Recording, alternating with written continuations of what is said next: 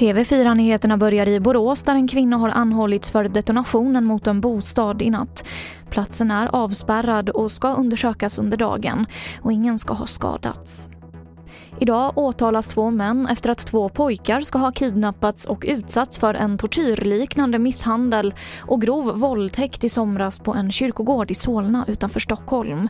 Männen åtalas för människorov, synnerligen grov misshandel, grov våldtäkt, grovt rån och övergrepp i rättssak. Det här skriver Åklagarmyndigheten i ett pressmeddelande.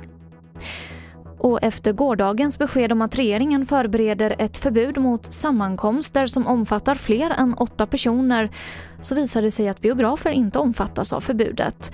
Och enligt DN så tar biografjätten Filmstaden tillbaka sitt stängningsbesked och kommer istället att hålla öppet.